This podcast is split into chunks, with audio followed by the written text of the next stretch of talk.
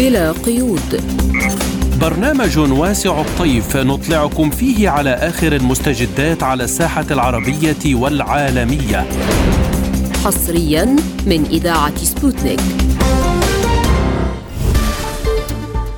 تحية طيبة لكم مستمعينا في كل مكان في حلقة جديدة من برنامج بلا قيود. نصحبكم فيها اليوم من استديوهاتنا في موسكو. أنا عماد الطفيلي. وأنا فرح القادري والبداية بأبرز العناوين. زخارفا تعلن أن خطط لندن لنقل قذائف اليورانيوم المنظم إلى كييف خطوة استفزازية خطيرة.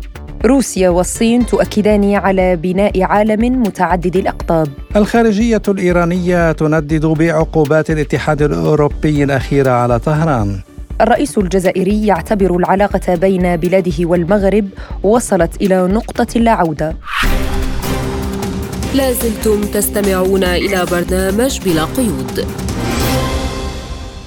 ونبدأ التفاصيل بالشأن الأوكراني حيث قالت المتحدثة باسم الخارجية الروسية ماريا زخارفا إن خطط بريطانيا لتزويد كييف بقذائف اليورانيوم المنظم استفزاز لدفع الصراع في أوكرانيا إلى مرحلة جديدة. Манипулирование темой с ОМУ является частью вот этой англосаксонской логики дестабилизации ситуации в мире. التلاعب بموضوع أسلحة الدمار الشامل هو جزء من المنطق الأنجلو ساكسوني لزعزعة استقرار الوضع في العالم. مثلا العدوان على العراق بدأ بالتلاعب في قضية أسلحة الدمار الشامل. عندما أعلنت لندن أن الرئيس العراقي آنذاك صدام حسين كان لديه مستودعات لتلك الأسلحة بالذات. وتحت هذا الشعار تم غزو العراق مما أدى إلى نتائج كارثية. تذكروا يوغوسلافيا بمساحتها الجغرافية الصغيرة. هي الأخرى تعرضت أيضا للتلاعب بنفس الطريقة وبذات الأسلحة التي تحتوي على اليورانيوم المنظم. هذه اللعبة المتعلقة بالسلاح النووي وبأسلحة الدمار الشامل هي موضوع مفضل لدى الأنجلو ساكسون ويشهد على ذلك ما سمعناه من الضخ الإعلامي الكبير بهذا الاتجاه للشعوب في العام الماضي. إن تصريح أنابيل جولدي هو استفزاز آخر تم على خلفية مناقشة مبادرة السلام الصينية. إنها مسألة استهتار مطلق وعدم مسؤولية وإفلات من العقوبات للأنجلو ساكسون كما نسميهم في العلاقات الدولية. الثنائي الأنجلو ساكسوني في لندن وواشنطن. هذا استفزاز بريطاني آخر يهدف إلى نقل الأزمة الأوكرانية لمرحلة جديدة من العدوان والصراع والمواجهة وإعطائها بعدا مختلفا. نوعيا. أود أن أشير إلى أن هذا التصريح تم الإدلاء به بالتزامن مع المحادثات الروسية الصينية. أعتقد أن هذا قد تم عن قصد من قبل الجانب البريطاني. وهنا أريد أن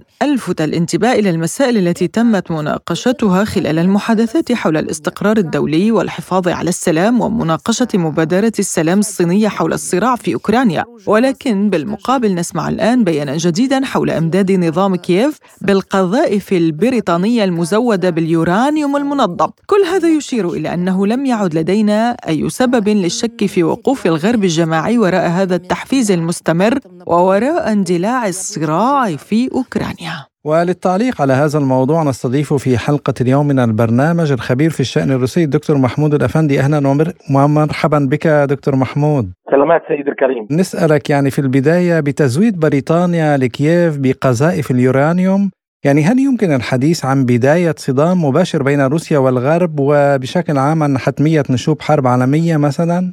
طبعا هي أنا برأيي هي عملية استفزازية بامتياز من طرف المعسكر الغربي وخصوصا من المملكة المتحدة.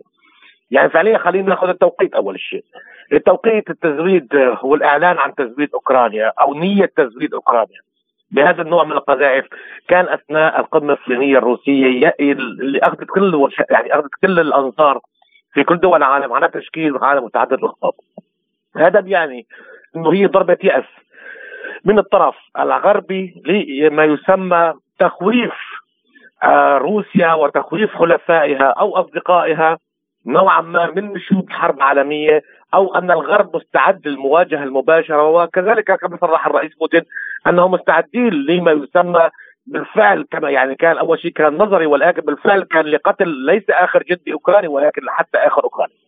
يعني استخدام هذا النوع من القذائف هو فعليا سيؤدي إلى نوعا ما لشرارة لزيادة التصعيد من الطرف من الطرفين خصوصا عندما يستخدم هذه القذائف روسيا لديها رد قوي في نتيجة استخدام هذه القذائف سيؤدي إلى زيادة التصعيد وبالإضافة إلى نشوب نوعا ما حرب نووية محتملة وموقعية نوعا ما يمكن آه، بأسلحة تكتيكية وليست استراتيجية ولكن هذا ما يسمى يزيد التصعيد ويزيد ما يسمى نسبة آه، انشعال حرب نووية. يعني خلينا نكون واقعيين حرب عالمية ثالثة لن تكون غير نووية لأنه بالأسلحة التقليدية لا روسيا ستواجه الغرب ولا الغرب سيواجه روسيا.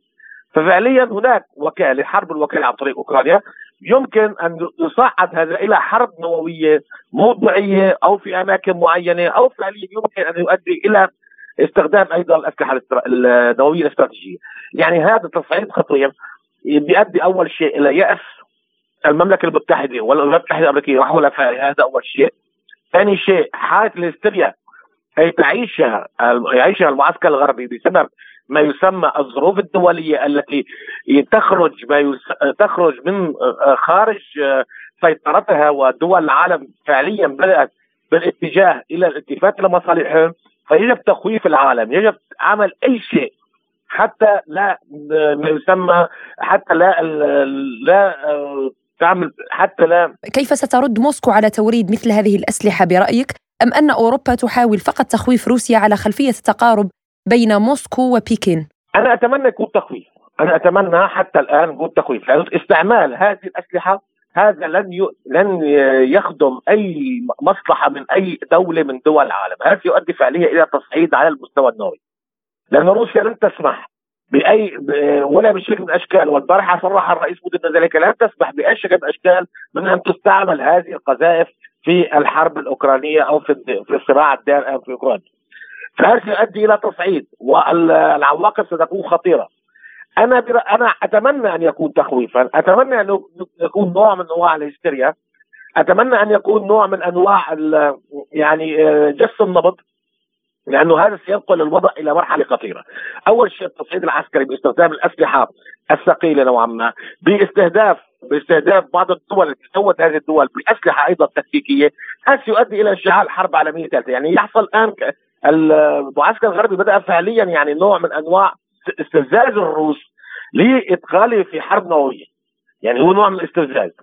فنرى حتى الآن الرد الروسي هو سيكون موقعي هو سيكون عن طريق أسلحة استراتيجية أسلحة تكتيكية هذا كله سنراه في القريب العاجل ولكن أتمنى أن يكون هو عبارة عن تخويف فقط وليس أكثر نعم دكتور محمود سبق وللولايات المتحدة الأمريكية أن استخدمت يعني هذه المادة اليورانيوم المنظف في قصفها للمدن العراقية ويمكن في أفغانستان وفي مناطق أخرى.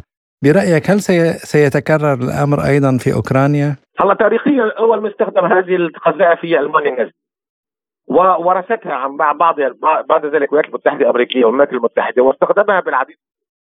يعني هذه القذائف فعليا هي قذائف رخيصة. تستخدم فيها ما يسمى المواد المتلفة في المفاعلات النووية. تستعمل وتوضع داخل القذائف وتستعمل. أثناء القذف ما يسمى يصعد رماد. هذا الرماد هو مسمم.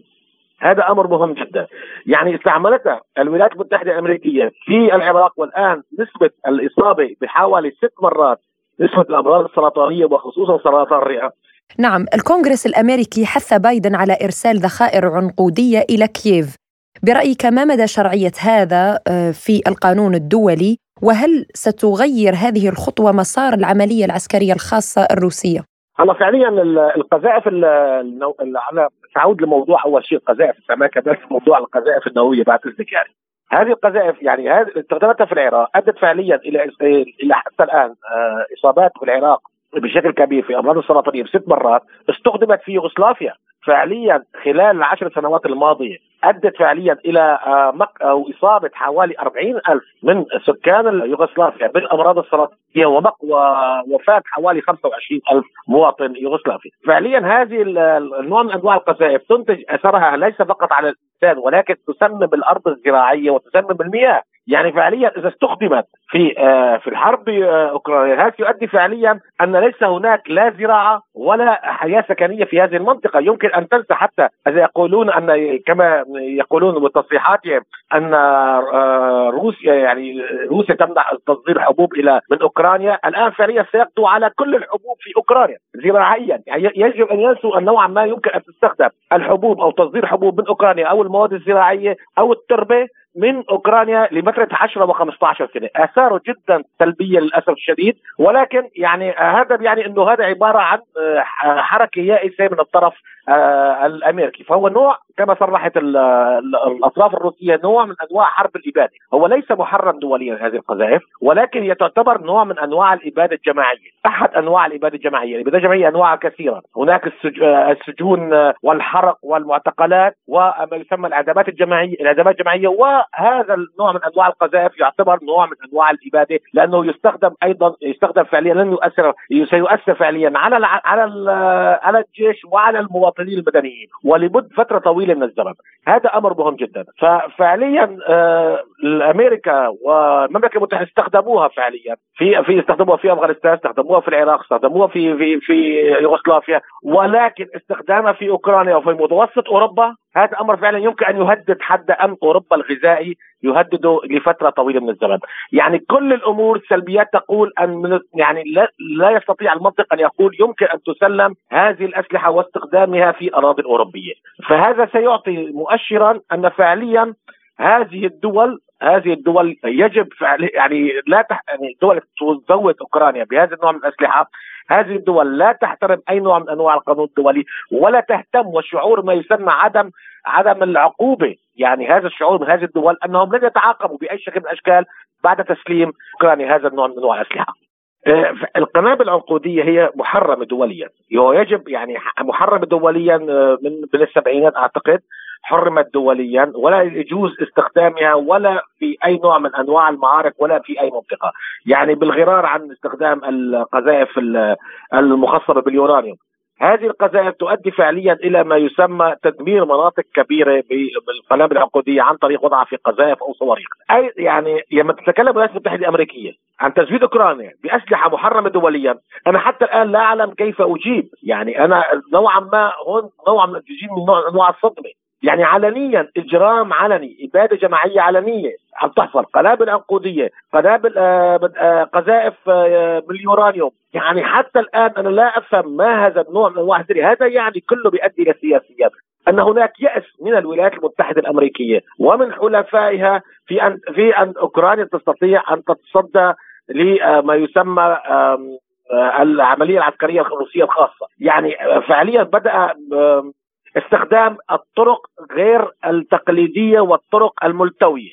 هذه الطرق لن تفيد أي شيء لن تغير من مسار العملية العسكرية. هذا أمر مهم جدا. سيؤدي إلى ذات تصعيد وتصعيد روسيا. يعني الرد بالقنابل العنقودية يمكن أن ترد روسيا بسهولة باستخدام كل ما لديها من قوة عسكرية جوية و. ما يسمى سياسه الأرض المحروقة في المناطق العسكرية، يمكن أن تستخدمها حتى الآن لن تستخدمها روسيا لأن تقوم بعملية عسكرية خاصة ومهمته الأساسية الحفاظ على المدنيين الأوكرانيين. ولكن عندما يستخدم الغرب أسلحة محرمة دوليا هذا سيؤدي فعليا إلى خروج الحرب عن النطاق التقليدي واستخدام أسلحة محرمة إن كان قنابل عنقوديه أو كان قذائف آه، نووية. هذا سيؤدي فعليا سيؤدي فعليا إلى عواقب وخيمة ولا حدا يعرف كيف كيف ستكون يعني. نعم وكرد فعل من الجانب آه، الروسي. نعم نشكرك الخبير في الشأن الروسي الدكتور محمود الأفندي على هذه المداخلة. شكرا. شكرا جزيلا دكتور محمود. ومتابعة لهذا الموضوع إليكم ما يقوله لبرنامجنا الدكتور يسري أبو شادي كبير مفتشي الوكالة الدولية للطاقة الذرية سابقا عن مدى خطورة استخدام اليورانيوم المنضب في العمليات العسكرية.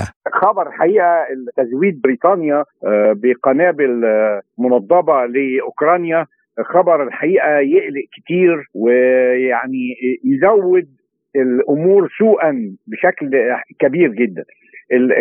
صحيح ان ان القنابل دي استخدمت في بعض الحروب وخاصة في الشرق الأوسط ونذكر في العراق وقيل في لبنان وسوريا وفلسطين. لكن القنابل دي لها تأثيرات كتير آه، مضرة آه، لأن هي في النهاية برضه هي قنابل آه، مشعة. صحيح الغرض منها مش استخدامها كقنابل ذرية يعني. هي مش قنابل ذرية ولا حاجة هي قنابل تعتمد على مواد لها كثافة عالية جدا وبالتالي هي مواد قادرة على الاختراق جدران والأرض وخلافه. لكن في نفس الوقت الاتربه اللي بتطلع منها اتربه مشعة.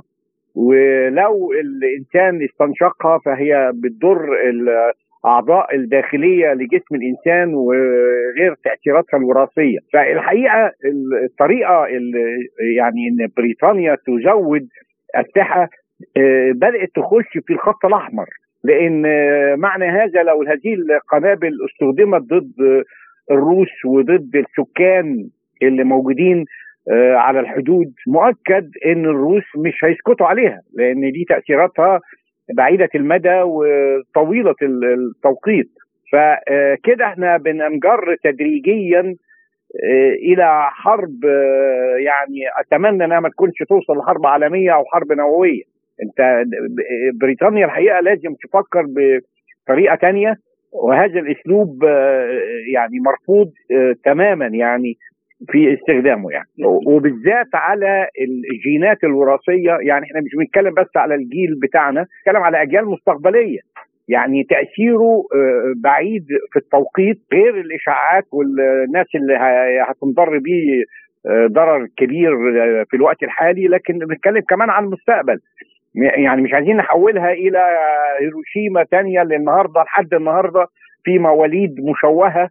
أجنة مشوهة بسبب القنابل الذرية اللي رمتها أمريكا على اليابان. مش عايزين نكرر التجربة دي وروسيا مؤكد مش هتتقبل هذا الوضع. وعن أسباب وأهداف تزويد بريطانيا لكييف بهذه القذائف الخطيرة يقول أبو شادي. والله هو النهارده طبعا اليورانيوم المنظم مع الأسف ابتدى يستخدم بكثرة حتى لدرجة إنه الرصاص اللي بتاع بعض المسدسات والرشاشات بيصنعوه من اليورانيوم المنظم للقدرة الاختراق العالية جدا له. لكن في نفس الوقت مساعدة بريطانيا الشكلية زي ما مع الأسف يعني معظم الدول الأوروبية اللي ماشية مع الخط الأمريكي مش حاسين هم بانهم بيرتكبوا أخطاء جسيمة تضر الع... تضر اولا شعوبهم هم شخصيا وثانيا تضر العالم كله. فبريطانيا بالتشدد البريطاني ده والأسلوب ده يعني حقيقة خبر غير سعيد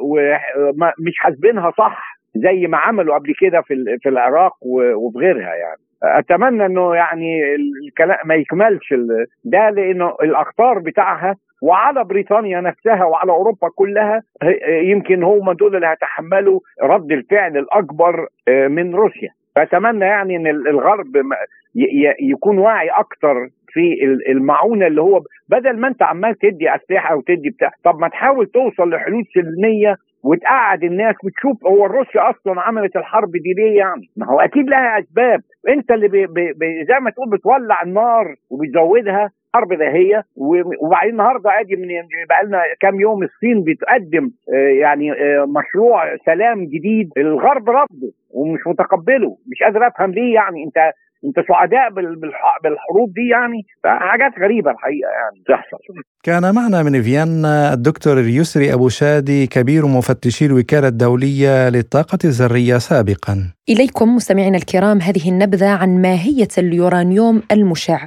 قام العلماء بحساب عمر النصف لنظير اليورانيوم المشع ووجدوا أن عمره يماثل تقريبا عمر الأرض بعد أن درسوا النسبة بين عنصر اليورانيوم وبين الرصاص وبلغ عمر الأرض التقريبي 4.5 أو 4.6 مليار سنة. وتبين أنه أثقل مرتين من القصدير وأكثر سمية من الزئبق ولا يتم إزالة مركبات اليورانيوم تماما من الأنسجة العظمية للإنسان والحيوان. علاوة على ذلك يصبح اليورانيوم متقلبا بسهولة ومن خلال الارتباط بجزيئيات الماء يمكن أن يتعطل إلى ما لا نهاية في الغلاف الجوي وينتشر في جميع أنحاء الكوكب. وفي عام 1999 تم إسقاط ما لا يقل عن 9 إلى 10 أطنان من قذائف اليورانيوم المستنفد على يوغوسلافيا. وتختلف البيانات المتعلقة بعدد وأنواع القذائف التي أسقطت على يوغوسلافيا خلال قرابة ثلاثة أشهر من قصف الناتو بشكل ملحوظ في مصادر مختلفة فضلا عن البيانات المتعلقة بكمية ذخيرة اليورانيوم المستنفذ الذي التي استخدمتها قوات الحلف. ليس هناك شك في شيء واحد فقط هو تأثير المواد المشعة والسامة وغيرها من المواد المدمرة لجسم الإنسان والبيئة وستشعر به العديد من الأجيال القادمة. وإليكم ما يقوله بهذا السياق أخصائي السموم رئيس مركز الحماية الإشعاعية رادومير كوفاتشيفيتش لبرنامجنا. To znači kada se kvantitativno preračuna u težinu... لطالما نفى المشاركون في عملية الناتو استخدام الذخيرة ذات الشوائب المشعة وخاصة اليورانيوم 238 اعترف التحالف في وقت لاحق أنه تم إطلاق 31 ألف قذيفة من اليورانيوم المنضب من عيار 30 ملم أثناء القصف. تزن كل قذيفة منها 298 غراما أي ما يقرب من 9.5 طن. بينما وفقا لحسابات الجيش الصربي تم استخدام ما بين 45 ألف إلى 51 ألف قذيفة من نفس العيار أثناء القصف. لليورانيوم خصائص محددة. هذا المعدن الثقيل ليس فقط ساما ومشعا ولكنه أيضا يشتعل ذاتيا أي عندما يصطدم بالأسطح الصلبة يشتعل على الفور ويمكن أن تصل درجة حرارة المادة إلى ثلاثة آلاف درجة لبضعة أجزاء من الثانية. جاذبيته النوعية ضعف جاذبية الرصاص وسميته أعلى بكثير من سميته. كل هذا معروف. يعتبر اليورانيوم من المعادن الأبدية حيث يبلغ نصف عمره 4.5 مليار سنة. أما الدورة الحياتية الكاملة له تبلغ 45 مليار سنة. تم حظر القنابل العنقودية بموجب اتفاقية دولية بعد عشر سنوات من قصف يوغوسلافيا. لازلتم تستمعون إلى برنامج بلا قيود. وإلى موسكو حيث قال الرئيس الروسي فلاديمير بوتين بعد محادثات أجراها مع نظيره الصيني شي جين بينغ إن روسيا والصين وضعتا اهدافا وغايات طموحه للمستقبل مضيفا أن المحادثات بين الجانبين كانت مثمرة للغاية وأن العلاقات بين روسيا والصين مثال على كيفية تفاعل القوى العالمية والأعضاء الدائمين في مجلس الأمن الدولي. بدوره قال الرئيس الصيني أن الصين وروسيا ضربتا مثالا يحتذى به في العلاقات بين القوى العظمى في مواجهة تغيير العالم والوقت والتاريخ. وتمكنت الصين وروسيا من الحفاظ على القدرة على التحمل الاستراتيجي واستجبنا معا بثقة وهدوء لتحديات العصر معا نضع مثالا يحتذى به. وأشارت روسيا والصين في بيان مشترك إلى الطبيعة السريعة للتغيرات التي تحدث في العالم والتحول العميق في الهيكل الدولي وأعلنت عن تسريع عملية إنشاء نظام عالمي متعدد الأقطاب وذكر البيان أن موسكو وبكين تعترفان بأنه في الوقت الحالي لا تزال مظاهر الهيمنة الأحادية منتشرة في العالم وتعتبران أنه من غير المقبول محاولة استبدال المبادئ والمعايير المعترف بها عموما في القانون الدولي. وللتعليق على هذا الموضوع إليكم ما يقوله لبرنامجنا وزير الخارجية اللبناني الأسبق عدنان منصور في تعليقه على أهمية وتوقيت زيارة الرئيس الصيني إلى روسيا. أولا فيما يتعلق بالزيارة هذه زيارة تأتي من قبل رئيس لدولة عظمى وأيضا لقاء يتم مع رئيس أيضا مع دولة عظمى في ظرف حساس يشهده العالم خاصة فيما يدور في أوكرانيا. النتائج التي أسفرت عن هذه الزيارة هو توثيق التحالف توثيق العلاقات بشكل لمواجهة الأحادية القطبية وأيضا تبيان أن هناك قوى عالمية أخرى غير القوى التقليدية التي مارست الأحادية على مدى عقود من الزمن. اذا هذه الزيارة تشكل مرحلة مفصلا مهما في تاريخ العلاقات الدولية. وأتصور اليوم بهذا اللقاء يعني بعد الحرب العالمية الثانية كان هناك المعسكر الشرقي أو والمعسكر الغربي يعني المعسكر الرأسمالي والمعسكر الشيوعي. اليوم بعد هذه الزيارة أتصور أن العالم سيشهد مرحلة أخرى بوجود آه، أيضا آه، قطبين القطب الغربي المتمثل بالولايات المتحدة والاتحاد الأوروبي من جهة وأيضا قطب في الشرق يتمحور حول الصين وروسيا وربما هناك قوى صاعدة كبرى قد تنضم إلى هذا المعسكر. اذا اليوم الأحادية القطبية لم يعد لها أساس وقد تلاشت مع نهوض روسيا بعد تفكك الاتحاد السوفيتي وأيضا العملاق الصيني الذي انطلق منذ عقود وإلى أن وصل إلى ما وصل إليه اليوم. اذا التوجه ما بين روسيا والصين آه، البلدان يلتقيان حول آه، هدف واحد هو تعزيز السلام تعزيز الاستقرار في العالم مواجهة التطرف وأيضا مواجهة الأحادية القطبية التي يحاول البعض أن يسيروا بها من أجل إملاء سياساتهم وقراراتهم على العالم. لذلك ما حصل فعلا الزيارة التي تمت وما أسفر عليها من تعاون استراتيجي على مختلف المستويات، تعاون استراتيجي فيما يتعلق بالاقتصاد والتجارة والطاقة والأمن وغير ذلك. إذا نحن نشهد مرحلة جديدة آه، لا يمكن للغرب أن يتجاهلها مطلقا وعليه أن يتعامل مع هذا الوضع الجديد الذي المتمثل بالصين وروسيا. وكما قلت هناك دول أخرى قد تنضم إلى هذا المعسكر بأنه فعلا فض الأحادية القطبية وأيضا يريد أن ينشئ علاقات متوازنة مع دول العالم كله دون ضغوط خارجيه أو دون استقطاب أو دون املاءات املاءات وشروط. وعن سؤال يخص إمكانية رسم موسكو وبكين قواعد النظام العالمي الجديد بالتعاون مع الدول الحرة والمستقلة بشكل فعلي يقول منصور. بكل تأكيد يعني اليوم يكفي أن تلتقي الصين وروسيا وما تمثل يعني من مساحة جغرافية بالنسبة لقارة آسيا يعني مساحة تصل إلى 27 مليون كيلومتر مربع مع طاقة بشرية هائلة وطاقة اقتصادية ومالية وصناعية. هناك دول أخرى طبعا هناك إيران هناك باكستان هناك الهند هذه الدول التي الصاعدة الكبيرة لابد أن يكون لها موقف رافض للهيمنة الغربية التي عانى منها العالم.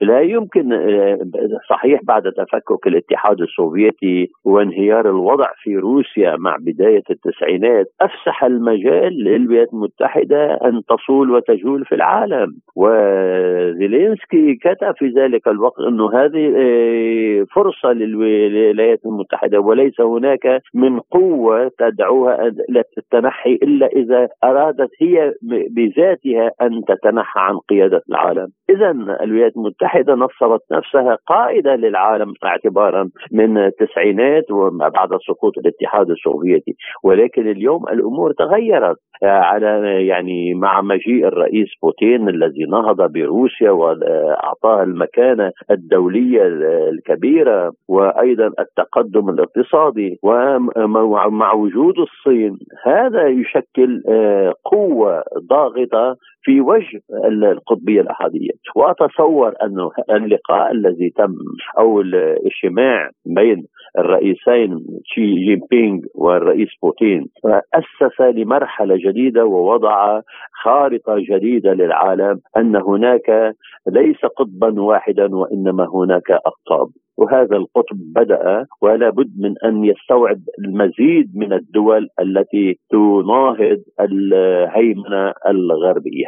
إذا نحن اليوم أمام معسكر غربي متمثل بالولايات المتحدة بالاتحاد الأوروبي وهناك معسكر في الشرق ناهض هو الذي يستطيع أن يوازن الأمور مع هذا القطب الأحادي الذي كان سائدا وعن ردة فعل الغرب المتوقع على هذا اللقاء الروسي الصيني وتعزيز التعاون بين البلدين يقول منصور يعني ما الذي ننتظره من الغرب؟ بكل تأكيد سيرفضون سيرفضون أي لقاء بين الصين وبين روسيا أو بين روسيا وإيران. هذا أمر طبيعي على اعتبار أنهم لا يريدون في الساحة أفرقاء معادين أو أفرقاء يتصدون لسياساتهم الأحادية. هذا شيء طبيعي ولكن الأمور تسير ولا يعني الاحتجاجات أو الخوف أو الحذر من قبل الغرب فيما يجري لا يشكل أي تأثير على مسار العلاقات الصينية الروسية وعلى الأهداف البعيدة المدى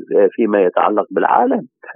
اليوم يجب أن تتوقف هذه الأحادية القطبية لأنها ألحقت الدمار ألحقت الحروب ألحقت العقوبات بشعوب وبدول في العالم وهذا أمر لا يجوز. يعني هناك كان نوع من البلطجة هناك من القرصنة التي كانت تسود على مدى عقود. الأمور اليوم تغيرت. الصين لم تعد الصين كما كانت من خمسين سنة أو من أربعين سنة. وروسيا اليوم ليست كروسيا عام 1991 92 وإيران أيضا هناك دول ناشئة دول قوية. الهند لابد من أن تستقطب يعني تتجمع في إطار واحد. ليس آه، هذا القطب الجديد ليس معادي للعالم بل على العكس يريد أن يوفر الحرية والسلام والاستقرار والعمل البناء المشترك لصالح الشعوب وليس لصالح شركات أو لصالح دولة واحدة تتحكم بمصير العالم مطلقا. كان معنا من بيروت وزير الخارجية اللبناني الأسبق عدنان منصور. لازلتم تستمعون إلى برنامج بلا قيود. وإلى طهران حيث أدانت وزارة الخارجية الإيرانية بشدة العقوبات الأخيرة التي فرضها الاتحاد الأوروبي وبريطانيا على إيران. وقال المتحدث باسم وزارة الخارجية الإيرانية ناصر كنعاني إن إيران ستتخذ تدابير مضادة تجاه مثل هذه الأعمال التعسفية وغير القانونية وغير العقلانية بحنكة وقوة كما كان من قبل وذلك بالاعتماد على قوتها الوطنية وفي هذا الصدد وتحتفظ بحقها في الرد. وأشار كنعاني إلى الاضطرابات الداخلية في أوروبا ومنها الاستياءات والاحتجاجات في فرنسا قائلا: أحد أهداف نهج المواجهة الأوروبية الأخير هو محاولة تنطوي على حرف الرأي العام عن الأزمة الاقتصادية والاجتماعية المتزايدة والانتهاك الممنهج لحقوق الإنسان في أوروبا وهو أمر لا يخفى عن أعين المراقبين العالميين. لمناقشة هذا الموضوع أكثر ينضم إلينا الخبير بالشؤون الإيرانية ورئيس مركز بروجان للدراسات الاستراتيجية والعلاقات الدولية الأستاذ حكم أمهز. أهلا وسهلا بك أستاذ وبداية يعني برأيك لماذا تصعد الدول الأوروبية من مواقفها العدائية تجاه إيران؟ يعني ما هي مكاسبها من ذلك؟ يعني هناك أكثر من سبب في هذا الإطار، اولا أن يحاولون الضغط على الجمهورية الإسلامية الإيرانية للقبول بالشروط المتعلقة بموضوع الاتفاق النووي. آه الأمر الآخر هم يحاولون أن يظهروا للعالم بأن الجمهورية الإسلامية الإيرانية تمد روسيا بالمسيرات التي تواجه فيها في أوكرانيا وبالتالي هذا يعتبر بالنسبة إليهم امرا ضاغطا ويحاولون من خلاله أيضا الضغط على الجمهورية الإسلامية الإيرانية، أيضا هم يحاولون من خلال هذه العقوبات أن يعني يظهروا وكأنهم أقوياء ولديهم من القوة ما لديهم بحيث أنهم في حال حصلت أي تسوية في المرحلة المقبلة سواء كان على مستوى الاتفاق النووي أو غيره أن يحتفظوا بحصصهم في الاستثمارات في الجمهورية الإسلامية الإيرانية مع العلم هنا بين هلالين بأن الجمهورية الإسلامية الإيرانية هي التي تحدد لمن تسمح بأن يستثمر على أراضيها وفي أي مكان وفي أي آه، يعني جهات أو آه، اختصاصات وهي التي لا تسمح. وبالتالي هذه الأمور للأسف الشديد لم لم يستوعب الأوروبيون الغربيون بشكل عام بأن الجمهورية الإسلامية الإيرانية لا تخضع للتهديد وهي تتعرض منذ أكثر من 40 سنة للعقوبات وللحصار وللإجراءات الحظر وما إلى ذلك وبالتالي لم تخضع وهي تواجه وتتحدى وبالتالي هذا لن يزيد الجمهورية الإسلامية الإيرانية وشعبها إلا مزيدا من التحدي والإصرار على الصمود والبقاء على موقفها مهما كلف الثمن. هذا من الناحية الأولى. من الناحية الثانية يجب أن نلتفت إلى أن الجمهوريه الاسلاميه الايرانيه يعني لم تتأثر لم تعد تتأثر بالعقوبات سواء كان من قبل الولايات المتحدة الأمريكية أو من الغربيين لأنها استطاعت أن يعني تجد طرقا التفافية وهي بنت جسورا اقتصادية وغير اقتصادية مع الكثير من الدول لا سيما مع الدول العظمى مثل روسيا و الصين وبالتالي أيضا هي أصبحت عضوا في منظمات دولية اقتصادية واجتماعية لا سيما مثل منظمة شانغهاي وبالتالي أيضا نحن امام مرحلة جديدة في المنطقة بعد الاتفاق الإيراني السعودي الذي بطبيعة الحال سيفتح خلال الفترة القريبة المقبلة ليس فقط السفارتين إنما أيضا أبواب الاقتصاد بين الدولتين وهناك تصريحات من قبل آه، المسؤولين المعنيين بأنه ستكون هناك استثمارات ضخمة في كلا البلدين وسيكون هناك تعاون عمليا هذه الضغوطات وهذه الإجراءات التي تقوم بها الدول الغربية ما هي إلا عرض عضلات وبالونات آه، هواء لا أكثر ولا أقل.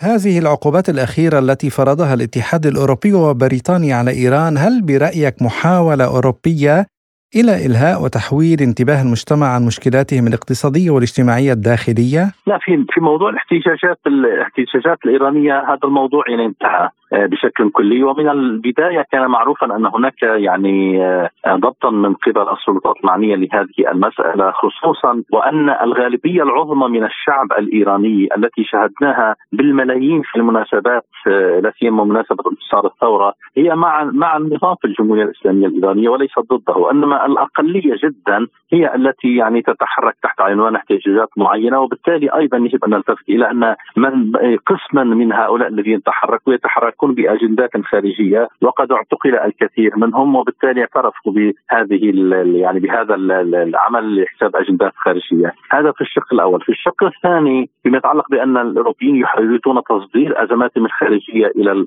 إلى الخارج صحيح. يعني ولكن أنا لا أعتقد أن الشعب الشعب الأوروبي أو الشعوب الأوروبية تستطيع دولهم أن تخفي عليهم مظاهر الأزمة الاقتصادية التي تطال كل واحد منهم بسبب دعمها للحرب في أوكرانيا وبسبب استغلال الولايات المتحدة الأمريكية لإمكانيات هذه الدول الأوروبية العسكرية والاقتصادية وغيرها. وبالتالي نلحظ بشكل يعني واضح أن هناك تظاهرات آه، في الكثير من الدول الأوروبية التي تعاني من أزمات مالية واقتصادية واللافت في هذا الأمر أن موضوع الاقتصاد يطال كل شخص في الدول الأوروبية ولا وليس مسألة يعني مموهه أو مخفية، وبالتالي الإيذاء الذي يلحق بكل شخص لا يمكن من خلال فرض عقوبات على إيران أو غير إيران. أن تموهه ال ال هذه الدول الأوروبية التي أصبحت أسيرة لقرارات الولايات المتحدة الأمريكية ولهيمنتها، من هنا لا أعتقد أن الأمر يمكن أن ينقذ هذه الدول الأوروبية التي تعاني من أزمات غير الاقتصادية أنها تعاني أيضا من أزمات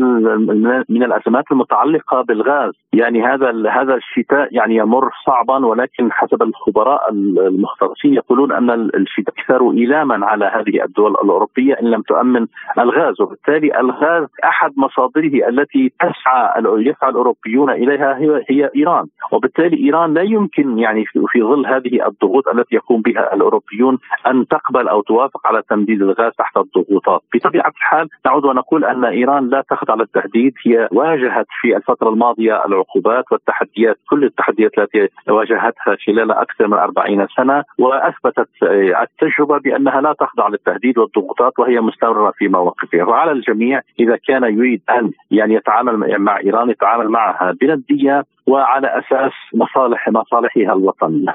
يعني في ظل هذه الأزمة الاقتصادية الحادة والخانقة التي تمر بها أوروبا اليوم كما ترى دكتور حكم، هل برأيك فرض حزم عقوبات جديدة على رجال أعمال إيرانيين وشخصيات سياسية يصب في مصلحة إيران وأيضا هل كلما زادت الفجوة بين إيران والدول الغربية والأوروبية برأيك سيزيد التقارب الروسي الإيراني؟ يقينا يقينا هذا هذا الأمر أصلا هذا الأمر بديهي. يعني أصلا الدول الغربية الولايات المتحدة الأمريكية والاوروبيون هم من يدفعون ليس فقط إيران وروسيا إلى أن يتخندقوا في صف واحد للمواجهة ضد الولايات المتحدة الأمريكية والأوروبيين بل أيضا يدفعون ال ال الصينيين وكل الذين يتحالفون مع هذا المحور الصيني الروسي الإيراني ليتخندقوا في خندق واحد في هذه المعركة الكبرى التي يمكن أن نقول انها إرهاصاتها كحرب عالمية ثالثة هي موجودة. وأيضا يجب أن نقول أن هذه الحرب ليست حربا يعني بين روسيا وأوكرانيا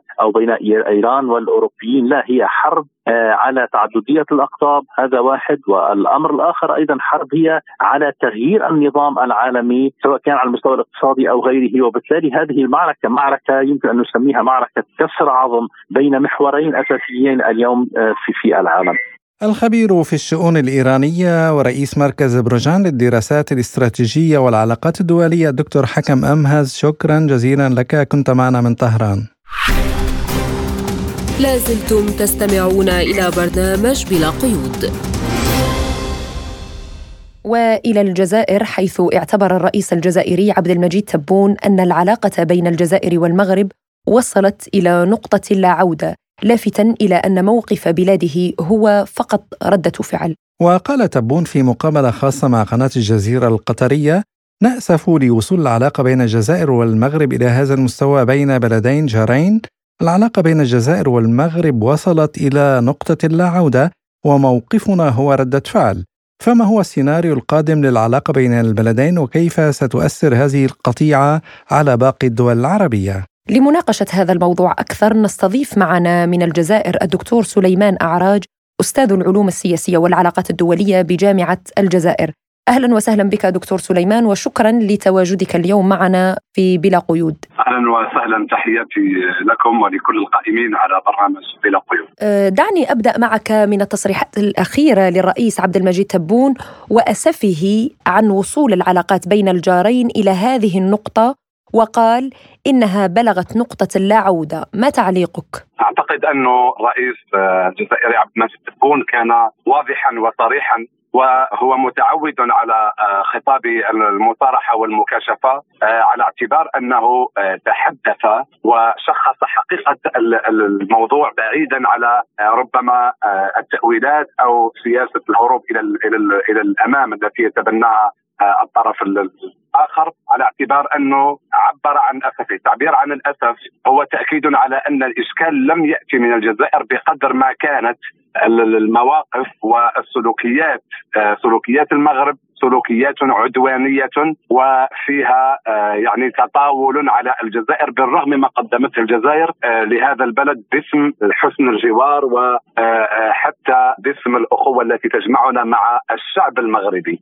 الشقيق. لأنه لما نتكلم على كثير كثير من كثير من التفاصيل تؤكد على أن على أن التحامل والتجاوزات وحتى السلوك العدواني الذي لوحظ وسجل كان من قبل آه، آه، المغرب وكانت هي المبادرة لهذه آه، السلوكيات السلبيه. طيب يعني برأيك كيف سيؤثر هذا التوتر أو هذه القطيعة على باقي البلدان سواء المجاورة أو باقي الدول العربية؟ أعتقد أنه الدور الذي تلعبه الجزائر في المنطقة كفاعل إقليمي سواء مع دول الجوار لما نتكلم على تونس على ليبيا على باقي دول دول الساحل مع موريتانيا على الخصوص. الوضع واضح جدا. الجزائر ماضية في تعزيز التعاون والشراكة مع هذه الدول آه، الجارة هذه الدول الشقيقة التي تجمعنا معها علاقات احترام متبادل. هنا دعيني أقول وأذكر يعني آه، المستمعين أنه المغرب سبق له وان آه، يعني اعتدى حتى على موريتانيا، لم تسلم موريتانيا من الاعتداءات المغربية ورأينا تلك التصريحات لمسؤولين سياسيين آه، والذين ادعوا فيها انه لا وجود لموريتانيا بل هي امتداد للمغرب. آه، اليوم للأسف الأطماع التوسعية للمغرب وهي آه، وهي مجرد آه، أحلام وأضغاث أحلام للأسف هي التي تعكر صفو آه، التعاون المغاربي والتكامل المغاربي هو واضح بالحجة والدليل. برأيك يعني ما الذي قد يعيد المياه إلى مجاريها بين الجارين وينهي الأزمة بين المغرب والجزائر؟ على المغرب أن تكف وأن توقف مسألة سياستها سياستها التي تخدم بها أجندات غربية وعليها أن تعيد يعني تعيد النظر في كثير من المواقف والسلوكيات الصادرة الصادرة الصادره عنها. وهي تعرف جيدا أهم النقاط التي يمكن لها أن تضع حدا لها أو تسحبها من أجل من أجل عودة عودة عودة العلاقات. كما أن قضيه الصحراء الغربية هي قضية تسخية استعمار وهي قضية أممية مسجلة آه، في أروقة الأمم المتحدة آه، كما أشار إلى ذلك آه، الملك حسن الثاني الذي أقر ويعني و في أكثر من في أكثر من مناسبة بهذا بهذا الشيء. نعم، كلمة وصلنا إلى نقطة اللا عودة، هل يقصد بها الرئيس أن القطيعه بين البلدين والأزمة ستطول؟ هنا ما دام آه، قولك بأن ال ال يعني الأزمة ستطول. ربما آه، هو آه، حكم مبني على أن التعن أن المغرب مستمر في تعنته وفي تجاوزاته. سواء حيال الجزائر أو حيال باقي باقي دول باقي دول آه، الدول المغاربية وهو ما آه، سيجعلها تبقى في عزلة ومنبوذة ومرفوضة في هذا الفضاء المغاربي. في سؤال أخير دكتور سليمان يعني هل تعتقد أن البلدين اليوم بحاجة إلى وسيط خارجي لإنهاء هذه الأزمة؟ نقطة العودة هو تأكيد على انه المسألة ليست آه، لا تتطلب وسيطا أو ربما آه، شخصا آه، أو طرفا محايدا يكون يعني بين الجزائر والمغرب لإنهاء الأزمة. على العكس الجزائر ضابطة لكل تفاصيلها وكل المعطيات المتعلقة متعلقة بهذا بهذا الموضوع. وموقفها لا رجعة فيه. وأنا قلت إذا أرادت آه، المغرب يعني آه، عودة العلاقات عليها أن تراجع سياستها ومواقفها حيال الجزائر. نشكرك الدكتور سليمان أعراج أستاذ العلوم السياسية والعلاقات الدولية بجامعة الجزائر على هذه المداخلة. وفي نفس السياق نستضيف كذلك الجانب المغربي نستضيف من المغرب المحلل والباحث السياسي المغربي الأستاذ سعيد بركنان أهلا بك دكتور وشكرا لتواجدك اليوم معنا. أبدأ كذلك معك من هذه التصريحات للرئيس الجزائري آه، وقوله أن العلاقات وصلت إلى نقطة لا عودة. ما هي قراءتك لهذه التصريحات؟ نعم هذه التصريحات ليست بجديدة. هو دائما يقول منذ وصول رئيس آه، تبون إلى آه، يعني الرئاسة في الجزائر دائما وغالبا ما يخرج في يعني خرجاته الاعلاميه بهذا التوجه. التوجه هو أنه هذه العلاقات ما بين المغرب وما بين الجزائر هي في نقطة لا عوده ومستحيل يعني يعني حتى يعني مستحيل أنها تعود إلى سابقها ولو أنها تدخل في مسارات مسارات للحوار الدبلوماسي إلى غير ذلك، لكن نحن هنا في المغرب نتساءل من يضع نقطة لا عودة المغرب ومن أعلى سلطة اللي هو الذي هو التي تتمثل في الملك قدم بشكل رسمي غير ما مر عبر خطاباته الرسمية سواء كانت خطابات العرش أو خطابات ثورة الملك والشعب وغيرها من الخطابات ولم يعني لم يفلت أي مناسبة إلا ومد يده للجزائر وطالبهم بفتح الحدود وخلق قنوات دبلوماسية للحوار حوار جاد الذي يجعل من الجزائر ومن المغرب مستقبلا لشمال إفريقيا ومستقبلا للمغرب الكبير. لكن ماذا ننتظر من الدولة التي قدمت لها هذه الاقتراحات من أعلى سلطة في المغرب. فهل يأتي الآن؟ بالإضافة إلى هذا بالإضافة إلى هذا التقديم تقديم من طرف أعلى سلطة من المغرب هناك وساطات قامت بها كبريات الدول في العالم العربي لحل هذا المشكل أو على الأقل لحلحلته نحو إدخاله في قناة يظهر منها ضوء الحوار ليفرج هذه الأزمة، لكن ورغم ذلك ورغم ذلك قامت الجزائر بقفل الباب أمام هذه التدخلات التي قامت بها كبريات الدول منها السعودية ومنها دول أخرى لمحاولة الصلح ما بين المغرب لا نقول الصلح لكن لمحاولة جعل الطرفين إلى طاولة للحوار من أجل فك هذه المشاكل. نعم ذكرت حضرتك محاولات المغرب بالصلح وإنهاء الأزمة، هل تعتقد أن المغرب حاولت الوصول إلى حل لإنهاء الخلاف مع الجزائر؟ هي هي الأيادي الخفية التي تحكم الجزائر، الأيادي الخفية التي تحكم الجزائر والتي ترى بأن إغلاق الحدود فيها استمرار لها واستمرار لمصالحها. يعني هل برأيك هناك جهات خارجية من مصلحتها العداء بين الجارين وهي من تحاول تعميق الخلاف؟ لا لا لا هي هي فئات عسكرية داخلية أسماء معينة ومنظومة العسكر هي التي تعيق الجزائر للانطلاق نحو المستقبل. وما هو الحل حسب رأيك لإنهاء هذه الأزمة والقطيعة؟ هو الحل لابد أن لا يعني لابد أن يكون حواريا. الدولة المغربية دائما دولة حوار والملك المغربي دائما يقولها نحن دولة حوار. نعم ونرحب بالحوار لحل جميع المشاكل. الجزائر الجزائر تقطع طريق الحوار وتقفل جميع القنوات الحوارية سواء المباشرة أو عبر وساطات معينة طيب فالموضوع الموضوع هو عندما تؤمن الفئات الحاكمة للجزائر بقيمة الحوار بقيمة الحوار وبقيمة الآليات الدبلوماسية لحلحله المشاكل هنا يمكن أن نعتقد بأن هذا المشكل يمكن أن أن يصير إلى الأمام، لماذا؟ لماذا أركز على الجزائر؟ نعم. لأن المغرب واضح في تصوراته الدبلوماسية واضح في سياساته الخارجية. أنا ليس لدي أي مشكل مع الجزائر ليس لدينا أي مشكل مع الشعب الجزائري. المشكل الوحيد هو أنه يجب أن نتحاور عن مستقبل المنطقة بحكم الجوار وبحكم التاريخ وبحكم الثقافة المشتركة. نحن نريد أن نبني منطقة مستقبلية وسوقا اقتصادية رائدة تنافس يعني السوق الأوروبية وتنافس أسواق عالميه ولكن الأساس هو أن الناس الذين يحكمون في الجزائر لا يريدون هذا التصور، يعتقدون بأن انغلاقهم على أنفسهم وسد الحدود في وجه المغرب الحدود البرية والحدود الجوية سيجعل هذا المغرب منعزلا وينبطح للخضوع لابتزازات معينة، لكن المغرب دائما له يعني رؤية مستقبلية لوجوده.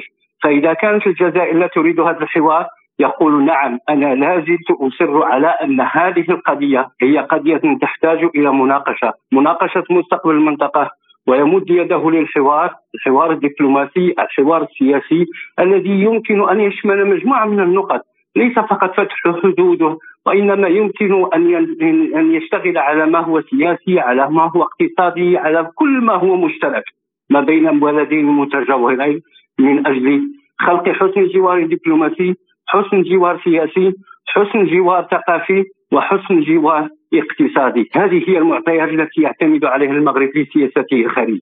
هناك آه، يعني أستاذ سعيد من يرى أن المغرب يتعمد استفزاز الجزائر وجاءت مناسبة القمة العربية السابقة وكانت هناك فرصة للقاء الملك المغربي بالرئيس الجزائري لماذا برأيك تطول هذه الأزمة؟ من المستفيد؟ أنا أقولها دائما أقول دائما ونقول هنا في المغرب أن هناك عدد قليل من المحسوبين لا, لا, نتحدث عن الخارج لا نتحدث عن الخارج نتحدث عن معطيات داخلية داخل الجزائر هي من تستفيد من الوضع القائم الآن الوضع القائم ومجموعة من الصراعات المفتعلة حول قضايا تهم تهم وحدة التراب المغربي وقضايا أخرى. عندما عندما ذكرت القمة العربية نعم ذكر أن صاحب الجلالة من الممكن أن يشارك لكن هل تعتقدين بأن هذه المشاركة ستأتي؟ وهذه أعراف دبلوماسية في جميع القمم العالمية والعربية والإقليمية إلى غير ذلك. لا يمكن أن تتم مشاركة اعلى هيئات في الدولة بدون بروتوكول يتم الاتفاق عليه. ربما من الجزائر بمجموعة من الإعاقات التي تمارسها ليس على المستوى العالي من هذه الدرجة بل حتى رأيناه حتى بالنسبة لفرق كرة القدم ومجموعة من الصحفيين إلى غير ذلك مجموعة من العراقيل فأظن بأن البروتوكول الذي كان لابد أن يتم الاتفاق عليه لاستقبال صاحب الجلالة في القمة محمد السادس في القمة كان يعني يجد عراقيل من طرف السلطات الجزائرية ومن طرف يعني الناس الذين يحكمون الجزائر. لهذا نقول دائما نقول وهذه قاعدة عامة في المغرب.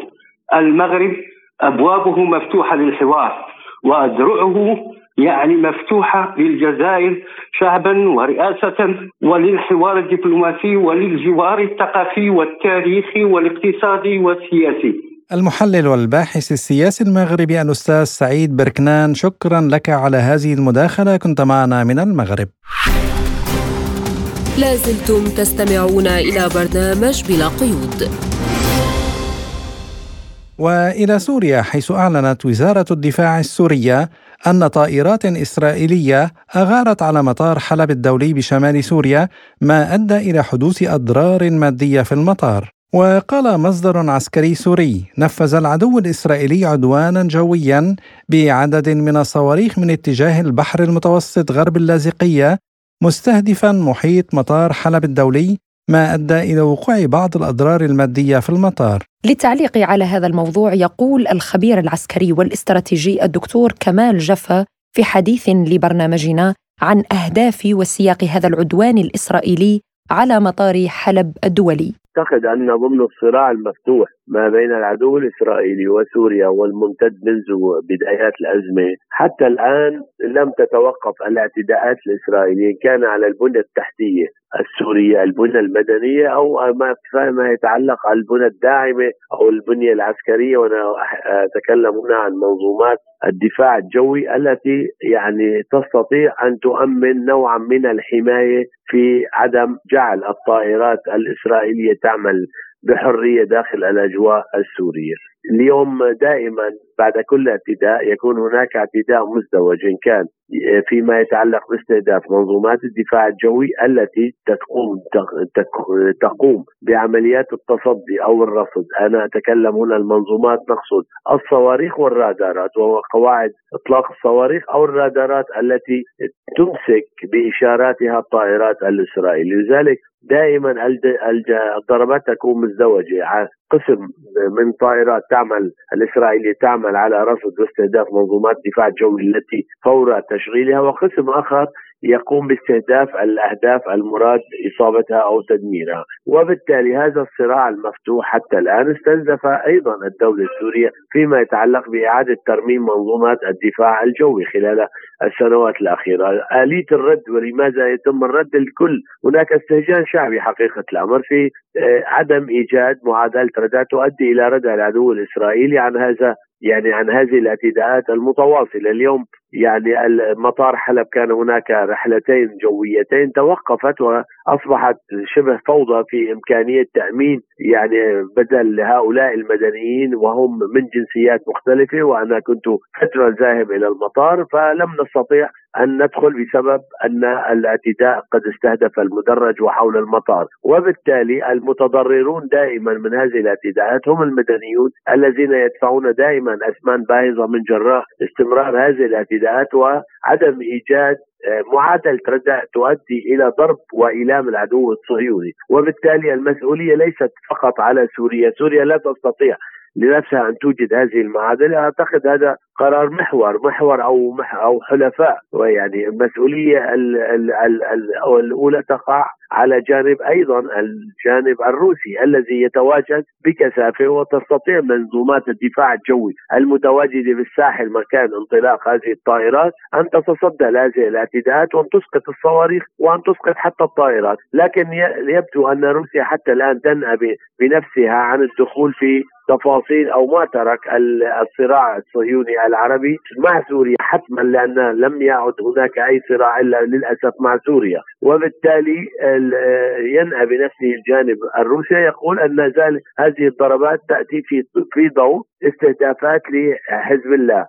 أو استهدافات لمواقع إيرانية. وعن اليوم الذي سيأتي فيه ويتم محاسبة تل أبيب على جرائمها بحق سوريا يقول جافا المؤكد أنه سيأتي. ولا يمكن لا يكون هناك عدالة إلهية حتى لو كان هناك بعض التقصير من من يعني من بسبب الظروف الحالية. لا لكن لابد أن يكون هناك عدالة. هكذا هي عدالة في السماء أن يكون هناك يعني محاسبة وشديدة ولام تحل على العدو الصهيوني من جراء هذه الممارسات إن كان منذ بداية احتلاله لفلسطين أو حتى ما يقوم به من اعتداءات وعمليات تهجير وهدم بيوت وامتدادا إلى الاعتداءات على الشعب السوري. الآمي بالنتيجة ما يتم ضربه هو ملك الشعب السوري وقد يعني أقام هذه البنية التحتية من دماء عرق أبنائه خلال عشرات السنين. فلا بد أن يكون هناك ردع ما أو رد ما وقد لا نكون نعرف نحن كمحللين ماذا يتم التحضير لردع العدو الصهيوني ربما يكون هناك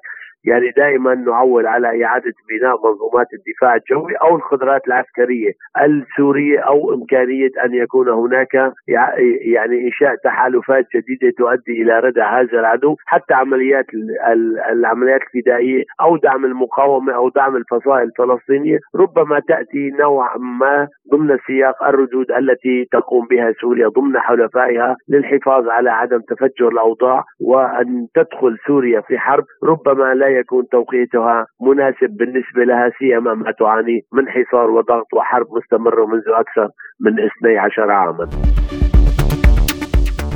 وبهذا الملف نصل وإياكم مستمعينا الكرام إلى ختام حلقة اليوم من برنامج بلا قيود. كنا فيه معكم أنا فرح القادري. وأنا عماد طفيلي وشكرا لإصغائكم وإلى اللقاء. إلى اللقاء.